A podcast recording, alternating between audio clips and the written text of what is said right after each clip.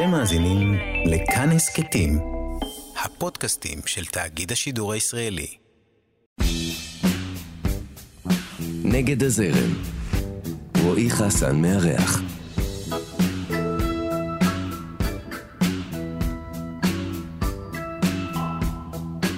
כשעבר כנער מהקיבוץ לדטרויט גילה את ההיפ-הופ. כשנמאס לו לעשות ראפ עם רוק ברקע הוא התחיל להפיק לעצמו ביטים והיום כשהוא המפיק המבוקש בסצנת ההיפ-הופ הישראלית הוא מאמין שמצבה מעולם לא היה טוב יותר. אז מה הפלא שכל הסצנה אומרת לו יפה יפה תודה. אתם על נגד הזרם, כאן תרבות, אני רועי חסן, ויש לי את הכבוד והעונג לארח כאן היום בתוכנית יוצר ומפיק שאני מאוד אוהב, אורי שוחט. אהלן אורי, מה שלומך? אהלן, מעניינים, מה קורה? אה, אצלי טוב, איך אצלך? אני מעולה, תודה שהזמנת, הזמנתם אותי. Uh, בטח, בטח. אמרתי לך, uh, I'm a big fan, לא סתם. עוקב אחריך הרבה שנים, וחיכיתי להזדמנות לשבת ו- ולדבר קצת. גם כי אני מאוד אוהב היפ-הופ, גם כי אני מאוד אוהב מוזיקה, ובעיקר אני אוהב את המוזיקה שאתה אוסף. ואתה יודע, יש לי, יש לי הרבה שאלות על היפ-הופ שאני מרגיש שאין לי, לי מספיק עם מי, עם מי לדבר אה, בנושא הזה. אה, אז, אז הנה הזדמנות. אז הנה, יש לך פה פסיכולוג היפ-הופ, אתה יכול לדבר איתו על כל בעיות ההיפ-הופ שלך? לא, לא, זה לא בעיות, זה כאילו, אתה יודע, כל מיני, כל מיני דברים שמעניינים אה, אה, איך הגענו אליהם, ותראה, אתה, אתה כבר יש לך קילומטראז', אפשר, אפשר לומר, הרבה שנים ב, בעסק, נכון? נכון. כמה שנים פחות או יותר?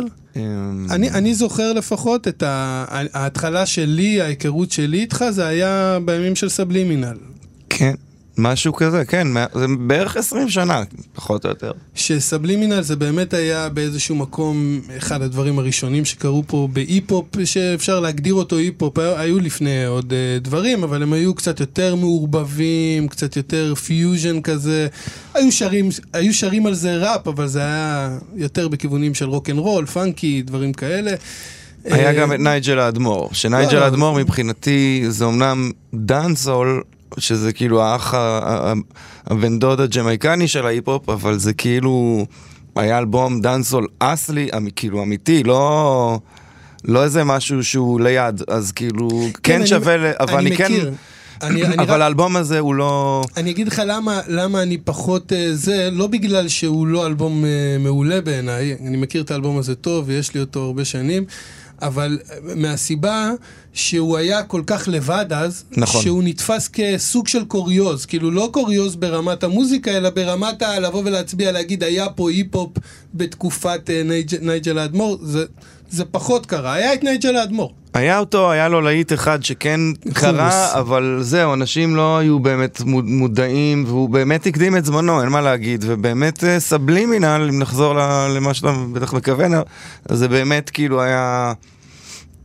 מאיפה שאני ראיתי את זה, זה היה שני גורמים, זה גם היה סבלימינל מהאגף המקומי, שכזה, הוא באמת הצליח להחדיר לישראלים היפ-הופ אמיתי, במרכאות, ומהצד השני, מחו"ל, היה את Eminem, ש-Eminem הוא כמו היה אלוויס של ההיפ-הופ, זאת אומרת, הוא, הוא חצה פתאום כל מיני חורים בעולם שמעולם לא הבינו את הדבר הזה שנקרא היפ-הופ, פתאום הבינו. אלוויס במובן הזה של הלבן שבא, שעושה מוזיקה של שחורים, ו- כן. ו- ו- וגורם ופתאום... לאנשים להיפתח אליו, זאת אומרת, הרבה יותר נוח להם, לא, לא ניכנס עכשיו לסיבות, או שכן, אבל אה, כן, אמרת אלוויס, אמרת הכל. זה מורכב למה ומה ומו, אבל זה אותו אפקט שכאילו, שכששחורים עשו את המוזיקה הזאת, אז... Uh... קהל, בוא נגיד, פה בארץ, נדבר על ישראל, אז ההיפ-הופ קיים משנות ה-70 ואף אחד לא, וואי, עד שלב מאוד מאוחר אף אחד לא התייחס לזה בכלל, כאילו ביטלו את זה, אמרו זה לא באמת מוזיקה וזה וזה. אבל, ו- אבל... ורק כש-M&M הגיע, אז כאילו, פתאום, אה, הם פתאום הבינו, הם פתאום הבינו על מה הוא מדבר. אני כל הזמן הייתי אומר לאנשים, הם אומרים לי, לא, זה, זה מונוטוני, וזה, תקשיבו למה שהוא אומר, הראפר, ואז אולי זה לא יהיה לכם מונוטוני, ואולי אתה גם תבינו משהו, והם לא היו מקשיבים אף פעם לחברים שלי, כאילו. ואז כשהם הגיעו, פתאום הבינו מה, מה, מה רוצה מהם. ממש הבינו את, את העניין. של ההיפ-הופ. אז זה פלוס סבלימינל ביחד, זה... זה היה באותו זמן גם, כאילו. כן, אני, אני אה, זוכר את הדברים טיפה אחרת. עוד פעם, מבחינת ה- ההסתכלות שלי, אני, אני חושב שאתה מאוד צודק מבחינה רחבה לקהל הישראלי, אבל אה, אצלי זה קרה עוד כמה שנים קודם, עם הפריצה של, ה, של MTV. ואני זוכר כאילו שהתעוררתי בוקר אחד ושמעתי את ה... וזה גם סוג של אלוויס, כן? רק בווריאציה אחרת. שראיתי פעם ראשונה את השיר שעשו אה, לזכרו של נוטוריוס B.I.G. פאף דדי ולקחו, השתמשו בפזמון של פוליס והשיר הזה גרם לי פעם ראשונה ששמעתי כזה היפו בתור ילד והתאהבתי כאילו. זה לדעתי, זה גם, זה לא חדר באמת. זה, השיר הזה לדעתי מעולם לא נוגן פה ברדיו. זה כאילו לא... היה... תקשיב, במדינה שלנו כאילו מיסי אליוט, שזאת אמנית שעשתה נאמבר 1 שנה אחרי שנה אחרי שנה, כל שנה מביאה איזה להיט מפגר והיא נאמבר 1 בארצות הברית במצעדים. פה לא הכניסו אותה פעם אחת לפלייליסט. וזה לא שהיא עושה מוזיקה כל כך קשה, היא עושה מוזיקה כאילו די קלילה. וזה פשוט לא, ו- ומאיפה שאני ראיתי זה, אוקיי, כשהגיע M&M והשיר שלו עם דיידו, כן. זה נכנס לרדיו בישראל. ואז אמרתי, אוקיי, מתחילים להבין פה על מה רוצים. וגם השיר שאתה מדבר עליו, אז הרבה... שוב, אני הייתי אז בתיכון, כן? אז כאילו, ראיתי שאנשים כאילו פתאום מתעניינים בזה, אבל הם בכלל, אני כאילו מהצד שלי, זה חבר'ה, זה שיר שאשתו, האלמנה של ביגי, שרה לו על זה שהוא מת. ואתם, אין לכם מושג בכלל מה קורה פה, אתם כאילו, אה, איזה מגניב, זה קאבר לפוליס, ואני כזה... אתם לא תשמע, הבנתם כלום. פעם, אני, אני מבין אותך, כי אני הייתי בדיוק בסרט שלך, אני גם התעניינתי בזה מגיל מאוד צעיר, ואהבתי את זה, וגם אני הרגשתי כזה קצת זר לזה. אתה צודק שמבחינת הראייה הרחבה, הישראלית על, על הז'אנר, זה באמת היה ככה. מבחינה אישית, אה, אתה יודע, אני כבר בגיל 13, האמת, שמעתי ביסטי בויז והוטן קלן, ו... כל אחד כאילו- ויש לו את הסיפור שלו, אני פשוט גם עבדתי באותו זמן בחנות דיסקים, היו חנויות דיסקים, והייתי, עבדתי בחנות דיסקים מקוריים, אפילו לא מזויפים, גם כי אני אנחנו שנים עבדתי. מדינת אה, עולם שלישי עם המזויפים, אבל לא, עבדתי במקורי, וראיתי מה אנשים קונים, פה בתל אביב לפחות, אז כאילו... לא, ברור, זה לא היה ברמת הפופולריות, ובגלל זה, זה לשם אני מוביל. שגם כש, כשסבלימינל פרץ את הסכר כביכול, ובאמת הגיע לפופולריות, אה, אה, בוא נגיד, לא סטנדרטית במושגים של הז'אנר באותם שנים, עדיין זה הרגיש כאילו זה מאוד מאוד מוגבל. זה מאוד אה, מגזרי, שמו את זה בתוך קובייה קטנה, וגם אלה שניסו... אה, להתפתח בעקבות הדבר הזה של סבלימינל, אה, לא באמת הצליחו. זאת אומרת, היה, סבלימינל, והיו, אתה יודע, הבלחות של פה ושם, אולי איזה שיר פה, אולי איזה שיר שם, אבל לא היה איזה משהו כזה. מה קורה עכשיו בהיפ-הופ הישראלי? כאילו, זה, זה עניין של זמן, זה עניין של... אה, אה, אה, עברו שנים, אולי עניין של דור גם, גם יכול להיות, שכמו שאתה אומר שזה דור כבר צעיר שגדל על היפ-הופ, כי היום זה... זה אולי הז'אנר הכי פופולרי בארץ. אני יכול להגיד לך בהסתכלות אחורה, אני מדבר על היפ-הופ ישראלי, כן? כן, כן, כן. לא... בהסתכלות אחורה, אני חושב שבתקופה של סבלימינל, כן, היה הרבה הרכבים, הרבה זה, ואני מדבר על עצמי פה גם, כן? אבל כאילו לא, זה היה רוק מדי. זה מה שאני אומר, זה זה לא היה היה, ליד. המוזיקה לא הייתה מספיק בשלה, בוא נקרא לזה, לדעתי. כאילו עכשיו, בהסתכלות אחורה, אז כאילו באמת כזה אמרתי, איך זה יכול להיות וזה וזה. אבל עכשיו בהסתכלות אחורה, אם אני פתאום מקשיב לחומרים האלה שהיו אז, בין אם הם שלי או של אנשים אחרים שעשו, זה כזה, אני אומר, אוקיי, זה... ברור שזה התיישן הרבה דברים, אבל לא רק זה, אתה, אתה מבין שהרמה... זה, זה עוד לא היה בשל. ועכשיו אנשים כאילו, זה, יש כזה איזה אישור קו כזה... זה גם עניין טכנולוגי, אתה יודע, ש... איך אני אסביר? כאילו אנשים יותר עם הרגליים על הקרקע, ולכן הם גם כאילו יותר מחוברים לקהל שלהם, ולכן הם יודעים לדבר יותר טוב עם הקהל שלהם.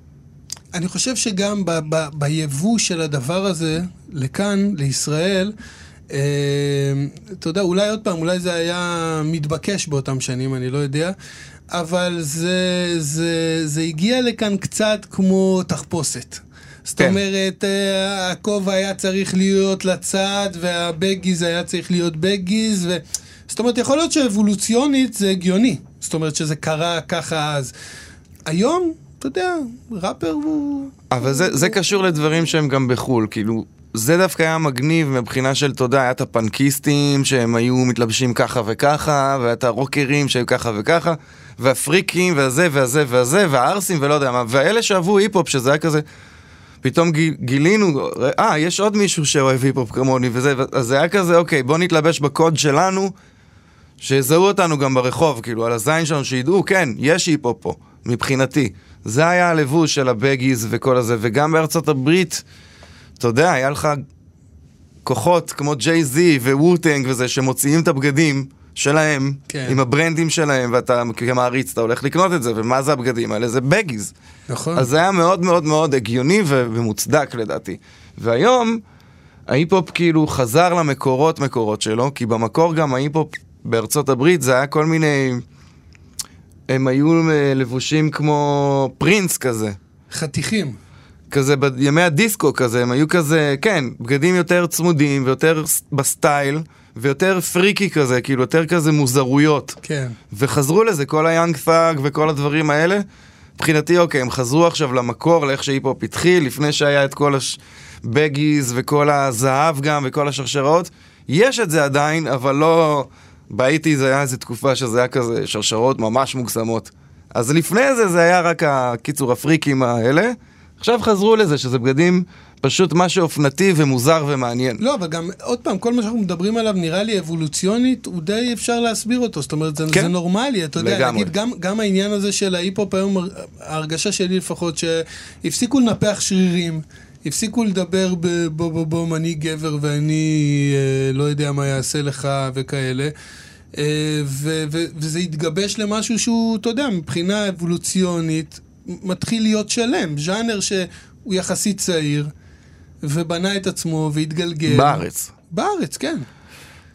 אמ, כן, גם, שוב, כאילו, אני חושב שעכשיו יש באמת מלא אמנים מעניינים, אתה יודע, והם באמת טובים, והם, והחומרים שלהם, אם אני מקשיב לחומרים שהם עשו לפני שנתיים, שלוש, אני אומר, בואנה, זה, זה מחזיק דווקא, זה לא הכל מחזיק, אבל דווקא, אוקיי. בוא, בוא, בוא אני אשאל אותך שאלה אולי שהיא טיפה פילוסופית, אני לא יודע. יש דבר כזה היפ-הופ ישראלי? או מה זה, מה זה היפ-הופ ישראלי? מה, מה הופך אותו לכזה? העברית? כן, פשוט היפ-הופ שקורה פה. שחבר'ה שהם, הזהות שלהם היא ישראלית, כן, זה ברור. אבל זה הכל, כאילו, זה... לא, כי היפ-הופ קורה נגיד בכל העולם. אז נגיד אני שואל את עצמי את השאלה הזאת, אתה יודע, לא רק לגבי ישראל. נגיד היפ-הופ שקורה בצרפת, מה הופך אותו להיפ-הופ צרפתי? יש, יש מאפיינים או השפה. שרק השפה? רק השפה וה... השפה, כי אתה יכול גם, זה לא משנה איפה אתה נמצא, אבל אתה שר... כאילו, כאילו מה שאתה אומר בעצם שהיפ-הופ זה שפה גלובלית עולמית, שבה יש, כל אחד... אה, יש תת-ג'אנרים שמגיעים מכל מיני מקומות מפתיעים בעולם, בדרך כלל זה בארצות הברית, אבל הנה, לאחרונה יש את הדריל. זה משהו שהוא כזה התחיל בשיקגו, אבל אז הוא פותח בעצם באנגליה, ועורבב כזה עם, עם הגריים וכל הדברים הבריטיים האלה, ועכשיו זה תופס ממש בארצות הברית כל הז'אנר הזה, וזה כאילו יותר בריטי בעצם. וזה, וזה לא הופך את זה גם להיפ-הופ בריטי. זה פשוט סטייל שנקרא, תת-ג'אנר בתוך ההיפ-הופ שנקרא drill. אבל זה לא אומרים, אה, אוקיי, הם עושים עכשיו את ההיפ-הופ הבריטי, הזה." זה לא זה. זה הראפרים הבריטים הם כנראה עושים היפ-הופ בריטי, בין אם זה drill או... או old school היפ-הופ, אם הם רוצים לעשות כזה boom bap, או אם הם רוצים לעשות trap, סבבה, אבל זה היפ-הופ בריטי. אבל זה לא קשור שהז'אנר ה drill הוא בריטי, אבל לא, שוב, לא מתייחסים אליו ככזה, כן. פשוט drill. לא אכפת להם מאיפה זה בא. גם ה trap זה מאטלנטה, אתה יכול לעשות, להיות A$AP Rocky, ולעשות בניו יורק, ולייצג את הרלם עם סאונד שהוא של אטלנטה, וזה מה שקורה. איפה גדלת? איפשהו בצפון, נכון? ראש פינה. אתה צפוני, ראש פינה, וואו, איזה מקום יפה. אה, עם, עם הפסקה באמצע, אבל, שהתגרנו בחו"ל לשלוש שנים. אה, יצא עם המשפחה, כאילו. כן.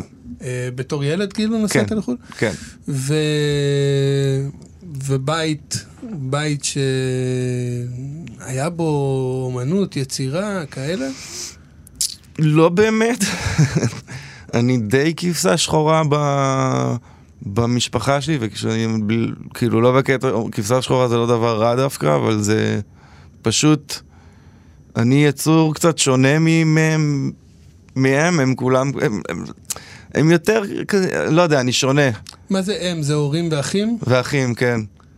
אמ, אני היחיד שיצאתי אומנותי כזה ו- ומוזר, הייתי מצייר בכלל לפני שעשיתי מוזיקה, אז כאילו... והם יותר באוריינטציה של משפחה צבאית כזאת. אבל uh, זה משהו, נגיד, ש... אתה יודע, אני שואל את השאלה הזאת לפעמים uh, כדי לדוג משהו. לאו דווקא כדי לדעת אם uh, אבא היה צייר או אמא הייתה פסלת, אלא אם, אם בבית הייתה, uh, זאת אומרת, הייתה אהבה, נגיד, למוזיקה, לתיאטרון, אם, אם, איך, איך הם הגיבו, איך הם הגיבו... אה, אליך כשאמרת להם כשאתה, שאתה מוזיקאי ואתה עושה מוזיקה. הם פשוט לא מבינים, הם בעולם כל כך שונה ממוזיקה, הם לא...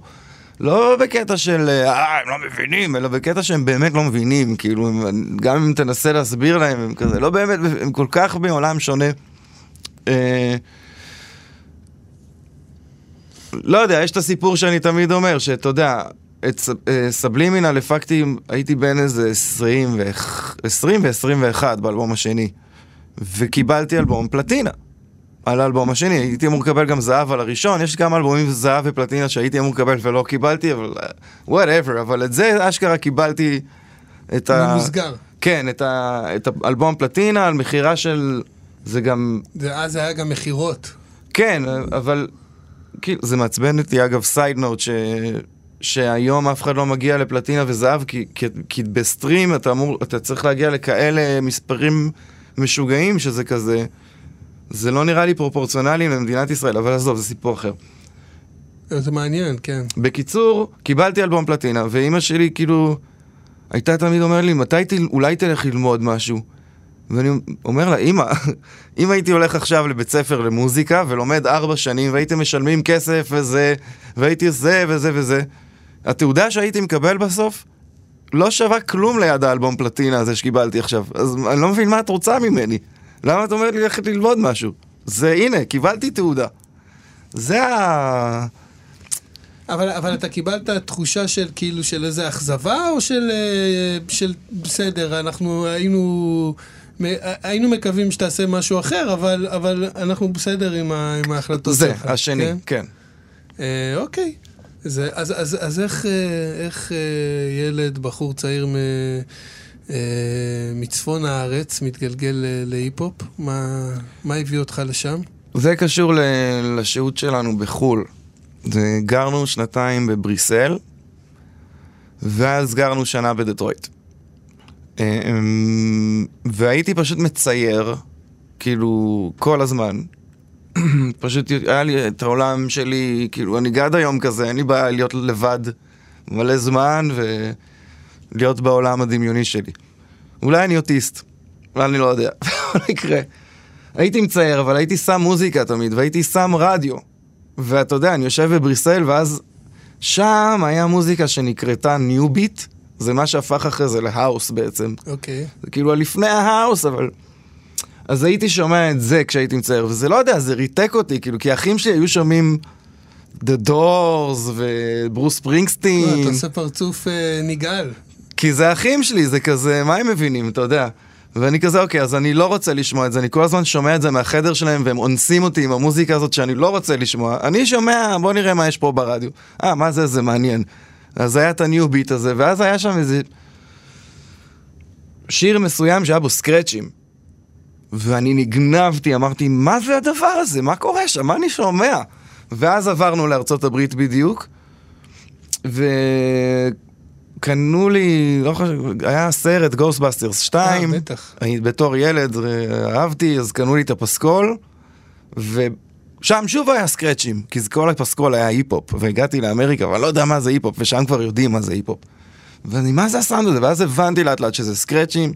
ואז הבנתי לאט לאט שיש כזה ז'אנר שהוא, שזה היפ-הופ, שזה הכל על די-ג'ים, ובדטרויט פשוט הייתי מקשיב לאיזה תחנת אה, רדיו, שגם M&M היה קשור אליה. אה, 96.3 FM, ששם היו משמיעים, זה, זה דטרויט, כן. אז היו משמיעים שם טכנו והיפ-הופ. גדול. לסירוגין. והדי-ג'אים שם היו מנגנים בלייב, הם היו עושים סקרצ'ים בלייב, בשידור, זה כאילו... כאילו הגעתי למקום שלי ו... בן כמה היית אז? 11. ואמרתי וואו, ופשוט נגנבתי, זה כל כך סקרן אותי, וזה, ובבית ספר שם וזה, כולם היו בהיפ-הופ כבר, וזה, זה לא ישראל, שם אנשים היו בעניין, והיינו ילדים קטנים, אבל היינו שרים שירים מאוד גסים, כאילו, בהפסקות. אז חזרת לארץ מחומש בקצת מהידע הזה, קצת מתקליטים שהבאת איתך וכאלה? כן, גם קח בחשבון, דיברת על MTV מקודם, כן. אני, הסיפור שלי עם MTV בארץ, זה, שנאתי את ה-MTV, כי זה MTV אירופה. ואמרתי, איזה מעפנים, הם כל, היו שמו, כל היום היו שמים שם Euro-trash, מעפן ודברים כאלה, שאני אומר, מה זה? וב... לא, אין- לא היה Euro-trash ב-MTV, אולי ב-VH1, אתה אולי. לא VH1, הייתי רואה MTV, הם היו שמים כל היום The Rhythm of the Night ודוקטור אלבן וכל מיני Eu- Euro shit. היה כזה גם, נכון? אבל היה- היה גם הרבה היפ-הופ, אבל לא בתחילת היה, ה nineties. לא היה מספיק, אני, אני ממה שאני זוכר, ובראש פינה זה היה בין המקומות הראשונים בארץ שהיו כבלים והיה בהם MTV. אה, באמת? כי הצלחות היו שם בצפון. אשכרה. אני אומר לך. ובדיוק חזרתי מאמריקה וראיתי פתאום את ה-MTV בארץ ואמרתי, מה זה החרא הזה? כי באמריקה היה רק רוק והיפ-הופ. זהו, לא היה שום דנס, שום דבר מהחרא הזה. ופה כל היום היה רק את הדנס, את ה Euro shit הזה, את הדברים האיטלקים הזולים האלה, ואני כזה, למה זה כזה מעפן? התעצבנתי עליהם. קיצור, כן, ככה חזרתי לארץ. נגד הזרם. האלבום החדש, אה, שוחט תודה. תשמע, האלבום הזה הוא חתיכת אלבום. אה, יש בו איזה גם איזה משהו שהוא כאילו, אתה יודע, איזשהו מקום של, אה, בעיניי לפחות, מפיק שבא ומציג את הארסנל שלו, אתה יודע, בצורה הכי אה, אה, גלמית שיכולה להיות. זאת אומרת, יש שם את כל היוצרים, הראפרים הכי טובים, מדוברים של התקופה. יש גם כאלה שלא השתתפו באלבום, צריך לומר. אבל, אבל באמת, ה, ה, זה, זה, זה פשוט... ואני חייב להגיד לך, אני מהרגע הראשון ששמעתי את האלבום הזה, התאהבתי בו, אנחנו שומעים אותו בבית בלי הפסקה. והוא גם בעיניי איזשהו סמן ל- לרמה שההיפ-הופ היום בישראל אה, הגיע. כי קורים פה הרבה מאוד דברים טובים, באמת. ואומנים שהרבה מופיעים פה גם באלבום, אם זה רביד כמובן, טונה, אה, טדי, אה, אני לא רוצה ל- ל- למנות באמת כי אנחנו לא, לא נסיים עם זה, יש הרבה. ותשמע, מה שקורה באלבום הזה זה כאילו מבחינתי פעם ראשונה שאני מרגיש שיש איזה פסגה. כאילו, אשכרה ככה. של היפ-הופ שהוא היפ-הופ, שהוא לא היפ-הופ אה, עם וייבים ישראלים, אה, בו קצת רוקנרול, קצת גיטרות מזרחיות, כאילו להתאים את זה לאווירה, להתאים את זה לאנרגיה, להתאים את זה ל- ללוקאליות הישראלית, אלא זה מה שזה. ולא סתם האלבום נקרא ככה שוחד תודה, אני, אני, אני מבין את זה, זאת אומרת, זה איזשהו ריספקט שבא מה, מהיוצרים שאתה עובד איתם. איך היה לעבוד על האלבום הזה? איך עבדת עליו? זאת אומרת, זה היה שירים אה, שליקטת או, או, או, או חשבת עליהם כעל אלבום? כי אתה הרי כל הזמן יוצר לאנשים שירים בעצם, ביטים. כן, קודם כל זה, גם לפני השידור אה, דיברנו, אתה ואני, על זה שפלד הוא מאוד פיוריסט והוא מאוד כזה, אני מת עליו על פלד. ושהוא הוא לא מתחנף עם הסאונד שלו, הוא פשוט עושה את מה שהוא אוהב, וזה, במקרה הזה זה פשוט היפ-הופ במובן הכי פיוריסטי של המילה. וזה נכון גם לגביי בעצם כמפיק, אני... אני מאוד לא מסוגל כמעט לעשות דברים שאני כאילו לא ממש אוהב, כאילו, וזה טבעי, אני מניח, ואז... ומה הדברים שאני ממש אוהב? זה לא דברים פופיים מדי. כאילו, לפעמים אני אוהב גם איזה דרייק או משהו, ואני מת על דרייק. אני גם, אני רציתי להגיד, אני, אני כאילו מתבאס על זה שאנשים מביאים אותו בתור דוגמה רעה למשהו. אני, אני אוהב את המוזיקה שלו. אני מת על דרייק, זה לא דוג, דוגמה רעה בעיניי, זה פשוט, על, אני מדבר על קשת, וגם דרייק הוא לא מתחנף מאוד, הוא כזה יודע לעשות דברים מאוד hard. אז כאילו, אתה יודע, טראביס סקוט, שזה מישהו שבארצות הברית הוא מגה מגה מגה big, פה לא ישמעו אותו ברדיו נראה לי פעם אחת בגלגלצ. מה אתה אומר? לא, לא היה יודע, בפלייליסט. לי היה תוכנית, לי הייתה תוכנית של מוזיקה שחורה וטרוויס סקוט היה מושמע.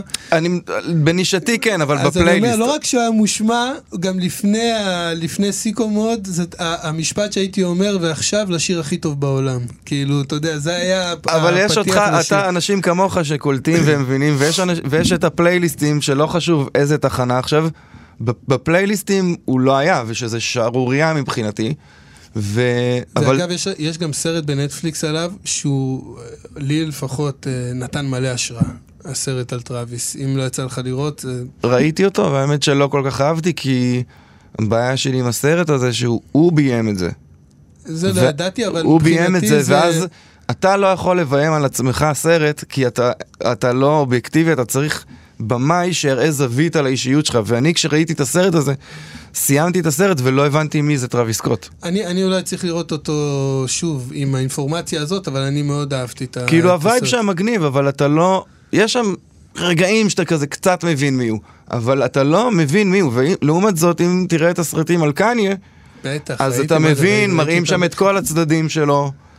לא יודע אם את כולם, אבל אתה רואה כל מיני צדדים של הבן אדם, ואתה מתחיל להבין את ה vibe ואת האווירה איתו. אני, ב, אני ב crew של קניה, אני כאילו, בשבילי הוא המוזיקאי הכי חשוב. קניה וטראביס זה אותו crew מבחינתי. לא, זה- אני, אני ב- מאלה שאומרים כאילו שעד עד שפרינס מת הוא היה היוצר הכי חשוב בעולם, והיום קניה ווסט. אני מסכים במאה אחוז, במאה אחוז.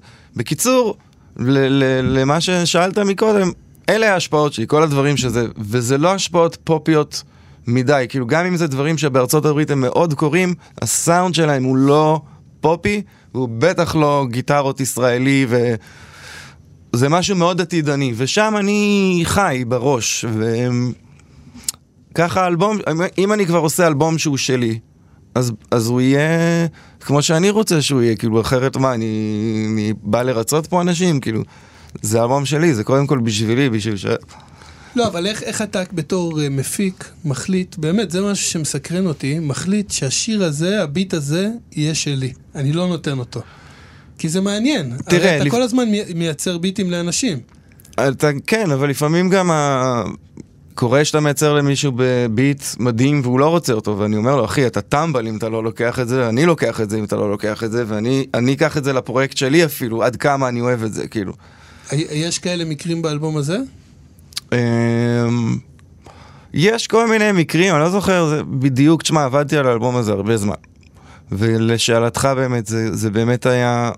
אני לא רציתי לבוא בהכרזה של הנה, עכשיו עושים משהו שזה לאלבום שלי. היו גם רגעים כאלה עם, עם אמנים שהרגשתי מספיק בנוח שזה יהיה הסיטואציה, אבל לרוב זה היה באמת, פשוט עושים מוזיקה. אתה, כשאתה במוד שאתה עושה מוזיקה, אתה לא חושב על מה ומו ומי, אתה פשוט עושה מוזיקה. אז כשאתה בס, עושה, אתה במוח בסוויץ' של עשייה, אז אתה עושה, עושה, עושה, עושה, עושה, עושה, עם אמן, נניח עם אמן X, אני עושה איתו מלא שירים. ואז אה, עוברים סוויץ', כאילו, מחליפים את הכובע, לאוקיי, מה השירים האלה? זה כנראה כל האלבום שלך מן הסתם, אבל כאילו, אתה יודע שאת השיר הזה אני מאוד אוהב, ואם אני קולט שהאלבום, שפתאום אמן כזה לא מתחבר, הוא לא רוצה באלבום מאיזושהי סיבה את השיר הזה והזה, אני אומר לו, אבל אחי, זה שיר בן זמן, אני אקח אותו לאלבום שלי, זה אכפת לך כאילו? ובדרך כלל הוא יגיד, בא, סבבה, כי הוא כאילו...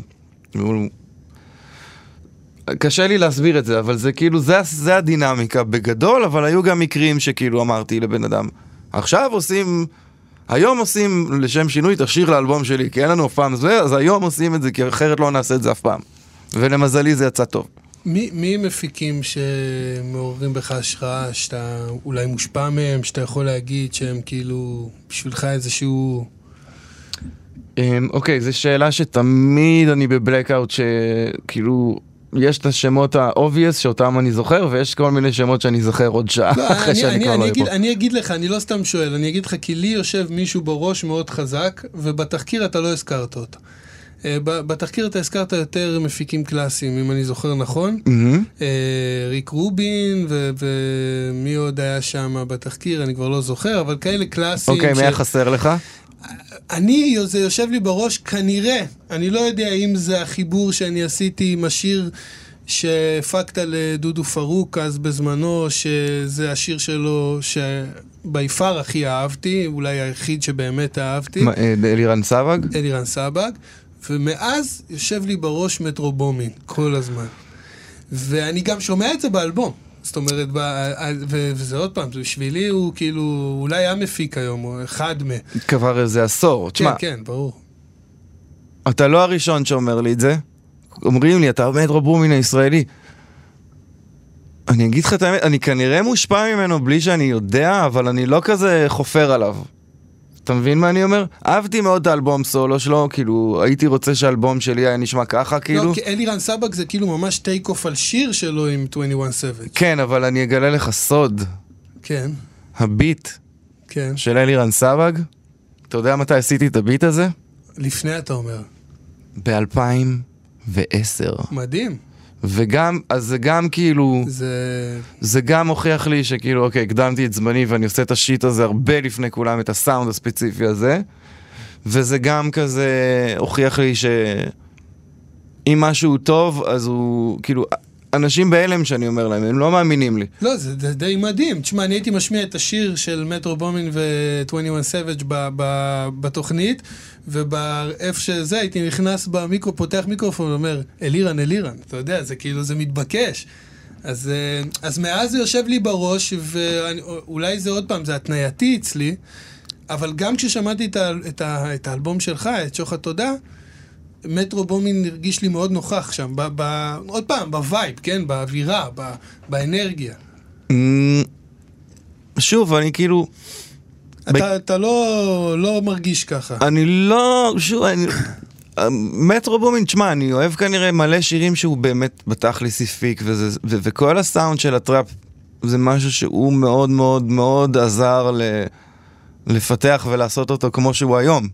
אז כן, אני מושפע ממנו, אבל כאילו, המפיקים שהכי כזה גרמו לי כזה ל- להגיד, אה, אוקיי, זה, יש פה קטע. הוא דווקא לא אחד מהם, כן? כאילו... אוקיי, מעניין. אני יכול להגיד כאילו את טורבו, או וויזי, שזה כאילו הבנים המוזיקליים שלו כן. אולי, או... אה, כן, זה עדיין, זו אותה, זו אותה שכונה. זו אותה, כן, זו אותה נישה, ו- אבל הם כאילו הביאו משהו שבעיניי היה כאילו, אוקיי, זה, זה לא שמעתי כזה עדיין. אפילו לא ממטרו בומין.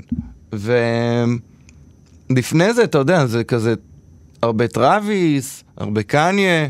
אמ, זה השלב שאני שוכח, כאילו, אני אוהב מאוד את טיי כיס, אם אתה מכיר. אה, עכשיו, האלבום החדש של אה, קנדריק למר, הפיק אותו גם אה, ריק רובין? לא, מי שמפיק את קנדריק זה מלא מלא מפיקים. זה כל שיר כמה מפיקים אחרים. יש לי קשר אישי לאחד מהם הוא חבר טוב, אלכמיסט, אוקיי. שהוא מפיק ותיק, והוא נמצא ב-LA, והוא גם הפיק באלבום הקודם של קנדריק, הוא גם מפיק הרבה לסקולבוי קיו. לא ישראלי. הוא בן של ישראלים, אבל הוא לא ישראלי.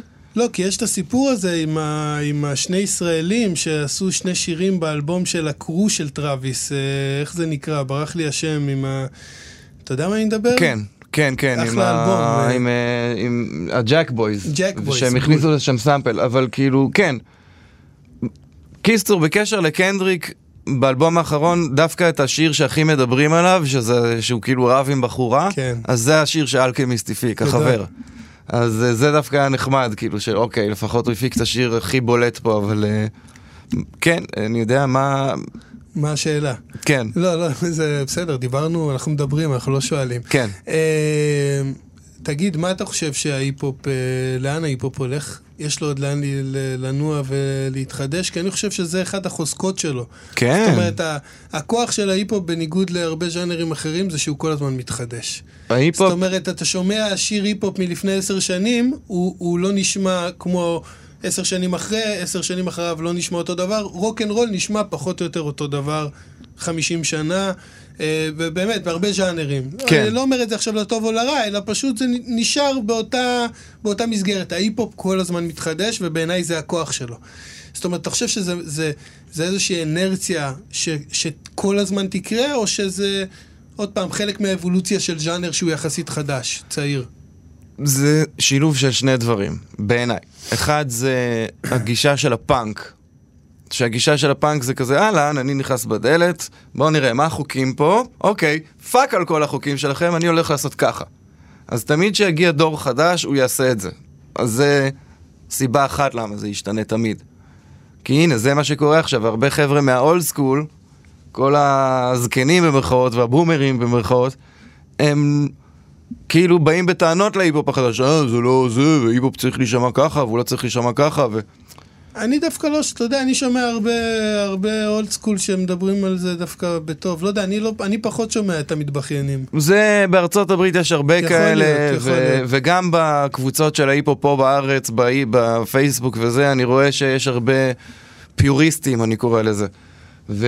לא, פשוט, אתה יודע, זה, זה מה שאני אומר, אנחנו מזדקנים, ואנחנו לא שמים לב שאנחנו הופכים להיות אלה שאנחנו בדיוק. אז- whining about them אה, לפני 20 זה שנה. בדיוק זה, כי, כי לפני 20 אתה שנה יודע. החבר'ה האלה הם גם באו, בדיוק. בעטו בדלת ואמרו, מה ו- החוקים שלכם? טוב, על הזין של החוקים שלכם, אני עושה את זה ככה. ואלה שהיו 20 שנה מעליהם אמרו, מה זה המוזיקה הזאת? מה בדיוק, אה?" בדיוק, מה, מה זה הצעירים האלה, הם השתגעו. ו... זה, אתה יודע למה זה, אני, אני, הטענה שלי כלפי זה לא רק במוזיקה, לא רק בהיפו, בכלל, זה כי יש משהו שאין לו, אין לו, אי אפשר להחזיר אותו, זה הנעורים. הרוח של הנעורים, הווייבים של הנעורים, זה לא משנה כמה אנחנו אה, אה, נהיה בראש צעירים, אתה מכיר את זה, אני צעיר בראש, כמה נהיה בראש צעירים, כמה נתלבש מגניב ונסתובב עם צעירים והכל, משהו בנעורים, ברוח שטות, באנרגיה הזאת של, ה, כמו שאתה אומר, לשבור את הדלת, לשרוף את המועדון, זה משהו שהוא לא חוזר. זאת אומרת, הכל יכול להתקיים, הכל יכול להישאר, הנעורים לא. וזה משהו שהוא מאוד מתסכל אנשים בגילי, לפחות. אני לא, לא, לא אכניס אותך למשוואה, כי אנחנו פחות או יותר בני אותו גיל. נראה לי, כן. אז, אז אני אומר, זה, אני, אני, ככה אני, ככה אני לפחות רואה את הדברים. אתה יודע שזה איזה תסכול על אובדן הנעורים שלא ישובו. כאילו, מה הצעירים האלה נהנים עכשיו? מה, מה אתם נהנים? מה אתם עושים כיף? כן, לקחת את זה למקום עמוק, לדעתי זה יכול להיות מאוד קשור, זה פשוט ממקום מאוד לא מודע כזה, של כאילו אם היית שנייה עוצר וזה, אתה אומר, אה נכון, גם זה מה שאני עשיתי כשהייתי, וזה מה שהם עושים עכשיו. אני לא, אישית לא חושב שזה מקום של נעורים, זה ממקום של... של... אני חושב שכל מוסד, כל מוסד צריך פעם ב-20 שנה, או 10 שנים, לנער לו את החיים. הלו, הלו, אתה עדיין עובד שם, אתה עדיין בכלל שווה, מה, מי אתה, מה אתה, בוא נשנה, בוא נעשה, אתה עוד, זה, בוא נפטר את ההוא, בוא נביא אנשים חדשים, זה אותו הדבר. אז זה, להחליף אור. כן, כן, ואתה יודע, אה, זה לא שהחזק שורד. זה לא the strong who survive, זה those who adapt survive. זה אין, זה צריך כאילו... אז ככה זה עובד, אז זה סיבה אחת למה היפ-הופ תמיד משתנה, וסיבה שנייה, זה טכנולוגיה. זה תמיד, המוזיקה הזאת הולכת עם טכנולוגיה, זאת אומרת, מה שקורה עכשיו, שטכנולוגית זה לכל ילד שיש לו לפטופ, הוא יכול לעשות ביט. ולהקליט עם מיקרופון מאוד זול, אה, את החבר שלו עושה ראפ, וזה יצא אחלה, זה יצא בסאונד ממש טוב. עושים את זה גם. כאילו, היום זה, זה מה שקורה בכל חדר כמעט. זה שנים כבר, אז זה למה ההיפ-הופ כאילו, הוא תמיד ישתנה ויתחדש, כי יש לך פתאום כלי טכנולוגי חדש, יש לך פתאום, אוקיי, תוכנה חדשה שאתה עושה ככה וזה מביא סאונד כזה, הרי נניח ה drill הזה, הסאונד שעכשיו שולט. אני לא יודע מה זה, כאילו, אתה... תבדוק. אומר- כן, מעניין פופ אותי. סמוק. אה, אוקיי, פופ סמוק אני יודע מה זה. פופ סמוק, כל הביטים שלו זה מפיק בריטי, אקסל ביטס, שהוא הוא פיתח, לא יודע אם הוא פיתח לבד, אבל הוא בין החלוצים של הסטייל הזה שנקרא drill, שהוא לא אמריקאי, וכל ה... כל השטאנצים שם וזה, זה, זה עניינים טכנולוגיים, זה איך אתה עושה עם התוכנה ההיא, וגם כשהיה דאבסטפ, זה כי יצא איזשהו פלאגין, כאילו תוכנה מסוימת, שידעה לעשות, אם אתה עושה לה ככה וככה, ידעה להוציא את הסאונד הזה, וככה נולד ז'אנר. כן. אז לדעתי היפ-הופ הוא מאוד תמיד יהיה, ישתנה, כי הוא תמיד, הוא בתוך הטכנולוגיה, הוא לא על הגיטרה, הוא על מחשבים. אתה מבין את ההבדל? כן. ואני חושב שגם הצעד הבא יהיה, לצערנו, זה שתוכנות שהן AI, הם יעשו את השירים. הן כבר יודעות כבר יש את זה. כאילו אה, בינה מלאכותית, נגיד רק ל... כן, אז הם כבר יודעים, כאילו, אתה תוכל להכניס trap, ישראלי, אה, נצ'י נץ', אה, כל מיני... הם יערבבו... והם יביאו לך שיר. אסלי מטורף, שלא היה, שנצ'י נץ' מעולם לא שר. אבל זה יישמע מטורף, וזה כבר קורה, וזה מפחיד ומעניין. כן, אבל אחרי זה גם תבוא רגרסיה. לי יש תחושה בכלל לרגרסיה, ש- שתגיע רגרסיה מתישהו. אני מעניין אותי הרגש של המחשבים, זה לא, מעניין. גם אני, אני לא נגד, אני לא אנטי, אני לא אומר את זה דווקא מכיוון של טוב או רע, או אני בעד או נגד, אלא עוד פעם, כאיזושהי אה, פעולה טבעית, ככה אני מרגיש, שאתה יודע, נגיד אה, אצלנו, אנחנו הדור שפחות או יותר המחשבים התחילו לצוץ, כזה מחשב כזה בבית. והיום הילדים נולדים כל כך לתוך הטכנולוגיה, ולתוך הטלפונים, ולתוך הדברים, ולתוך האתרים, ולתוך הזה, שדווקא מהם אני חושב שתבוא איזה, איזשהו רצון לרגרסיה. איזשהו מקום של ללכת אחורה, להירגע קצת מהדבר הזה. אני ספקן, תשמע, אתה מכיר את ה... אני לא יודע, זה, זה בתחושה שלי, בתחושה שלי. זה... כי אני מאמין גם בכזה, אתה יודע, במעגלים, בחיים. אה, אני, אני רוצה להיות, אני רוצה להאמין שאתה צודק, אבל תקשיב, אתה מכיר את הסדרה אובי וואן קנובי שיש עכשיו? לא. יש סדרה סטאר וורס, כן, עולם... זה כן, אבל מה זה הסדרה? סדרה על אובי וואן קנובי, אה, אוקיי, שהביאו את יואן מגרגור, השחקן המקורי ששיחק את אובי וואן קנובי, הוא משחק, הוא חזר לתפקיד. סדרת טלוויזיה? סדרה בדיסני פלוס. לא, כי- אה, אוקיי, אין לי, אבל כי ראיתי כי עלה עכשיו סטאר וורס בקולנוע חדש. כן? יש כן. סטאר וורס חדש? אה, סוג של פיתוח של, אה, כן, כן, של גם איתו. לא, לא, זה הסדרה. זה הסדרה. לא, אני ראיתי את זה בקולנוע. וואלה, טוב, לא לא מש- חשוב. לא משנה. מה שאני בא להגיד זה שהחזירו לשם, לסדרה, את דארת ויידר. דארת ויידר, הקול שלו זה ג'יימס ארל ג'ונס, זה שחקן שייקספירי מאוד מבוגר כבר. וכבר לפני איזה שבע שנים החזירו אותו עוד פעם לתפקיד הזה, והוא כבר היה מבוגר רצח, כאילו, ברמה שהביאו לו מיקרופון למיטה, ואתה יודע. ועכשיו הוא בסדרה, הוא בכל פרק, ו... ואני אומר, בואנה, זה הוא. אני שומע את הקול שלו, ואני מסתכל בסוף, כתוב, ג'יימס ארל ג'ונס. אבל אז ראיתי מאחורי הקלעים, וזה מחשב. אשכרה. תבין מה אני אומר לך, איפה אנחנו נמצאים. אז- בגלל אז זה אני אומר לך. קורה. ה-AI הזה, אתה לא תדע אפילו שזה לא רביד פלוטניק שר את השיר, אתה תשמע את השיר החדש שלו, וזה לא הוא בכלל. אתה לא תדע אף פעם שמחשב לא. עשה את זה. אני מקווה שייתנו למחשב קרדיט, ואז נדע. אז נותנים בסדרה כאילו כתוב ג'יימס אורל ג'ונס, ואז מי שחד עין רואה שזה, יש שם קרדיט לאיזה חברה, ואז אתה מסתכל ואתה רואה שהחברה הזאת מומחית בלקחת קולות של אנשים ולעשות להם איזה טקסט שאתה רוצה. תבין איפה אנחנו. לסיום, אה, כמו שאפשר להבין מהשיחה שלנו, ההיפ-הופ הישראלי מעולם לא נשמע טוב יותר כנראה, ואף פעם לא הגיע למקום שהוא הגיע אליו בימים אלה. אתה רואה את זה הולך וממשיך ומתפתח מכאן? בטח, כי כאילו זה לא איזה... לא, לא, תשמח אותי, כן? אני, אני רוצה לשמוע את התשובה. ההיפ-הופ הישראלי- זה לא איזה אפיזודה שתחלוף. ממש בקצרה, מה שהיה את האפיזודה הקודמת עם סבלימינל ואיך היא חלפה, כי היה כתבה, אני זוכר את זה ממש טוב. היה כתבה בידיעות אחרונות, דאבל ספרד, שהכותרת בענק, ההיפ-הופ הישראלי מת. עכשיו עם ישראל קורא בעיתון דבר כזה, זה מה שנכנס בתודעה. ואז אני, אורי שוחט, הסתובבתי עשר שנים, אני עדיין עושה- היפ-הופ, מפיק היפ-הופ, מתקלט היפ-הופ, ובכל מקום אומרים לי, מה, זה לא מת? מה, זה, מה... זה עדיין, זה, חשבתי היו, שזה. היו, היו עשר שנים של מדבר, לפחות עשר שנים. אבל למה זה היה בעקבות כתבה? וזה לא היה, זה היה מדבר, כאילו ירד כל ההייפ מכתבה אחת. אז כאילו, אני חושב שהיום זה כבר לא יכול לקרות. גם אם תהיה כתבה היום אתה כזאת, אומר, זה- אנחנו כבר חזקים מדי בשביל... הקהל אה, לא יאמין לכתבה הזאת בכלל, כי הקהל יודע טוב מאוד, אתה יכול לראות, להסתכל בספוטיפיי ולראות את המספרים. אז זה לא, הכתבה הזאת לא יכול לחרוץ את הגורל של הסצנה, וזה מה שהיה, זה מה שמטמטם אותי. שוואו, אתה רואה כמה העם פה הוא כאילו, הוא, הוא קורא מה שבעיתון, והוא מבחינתו זהו, זה קדוש.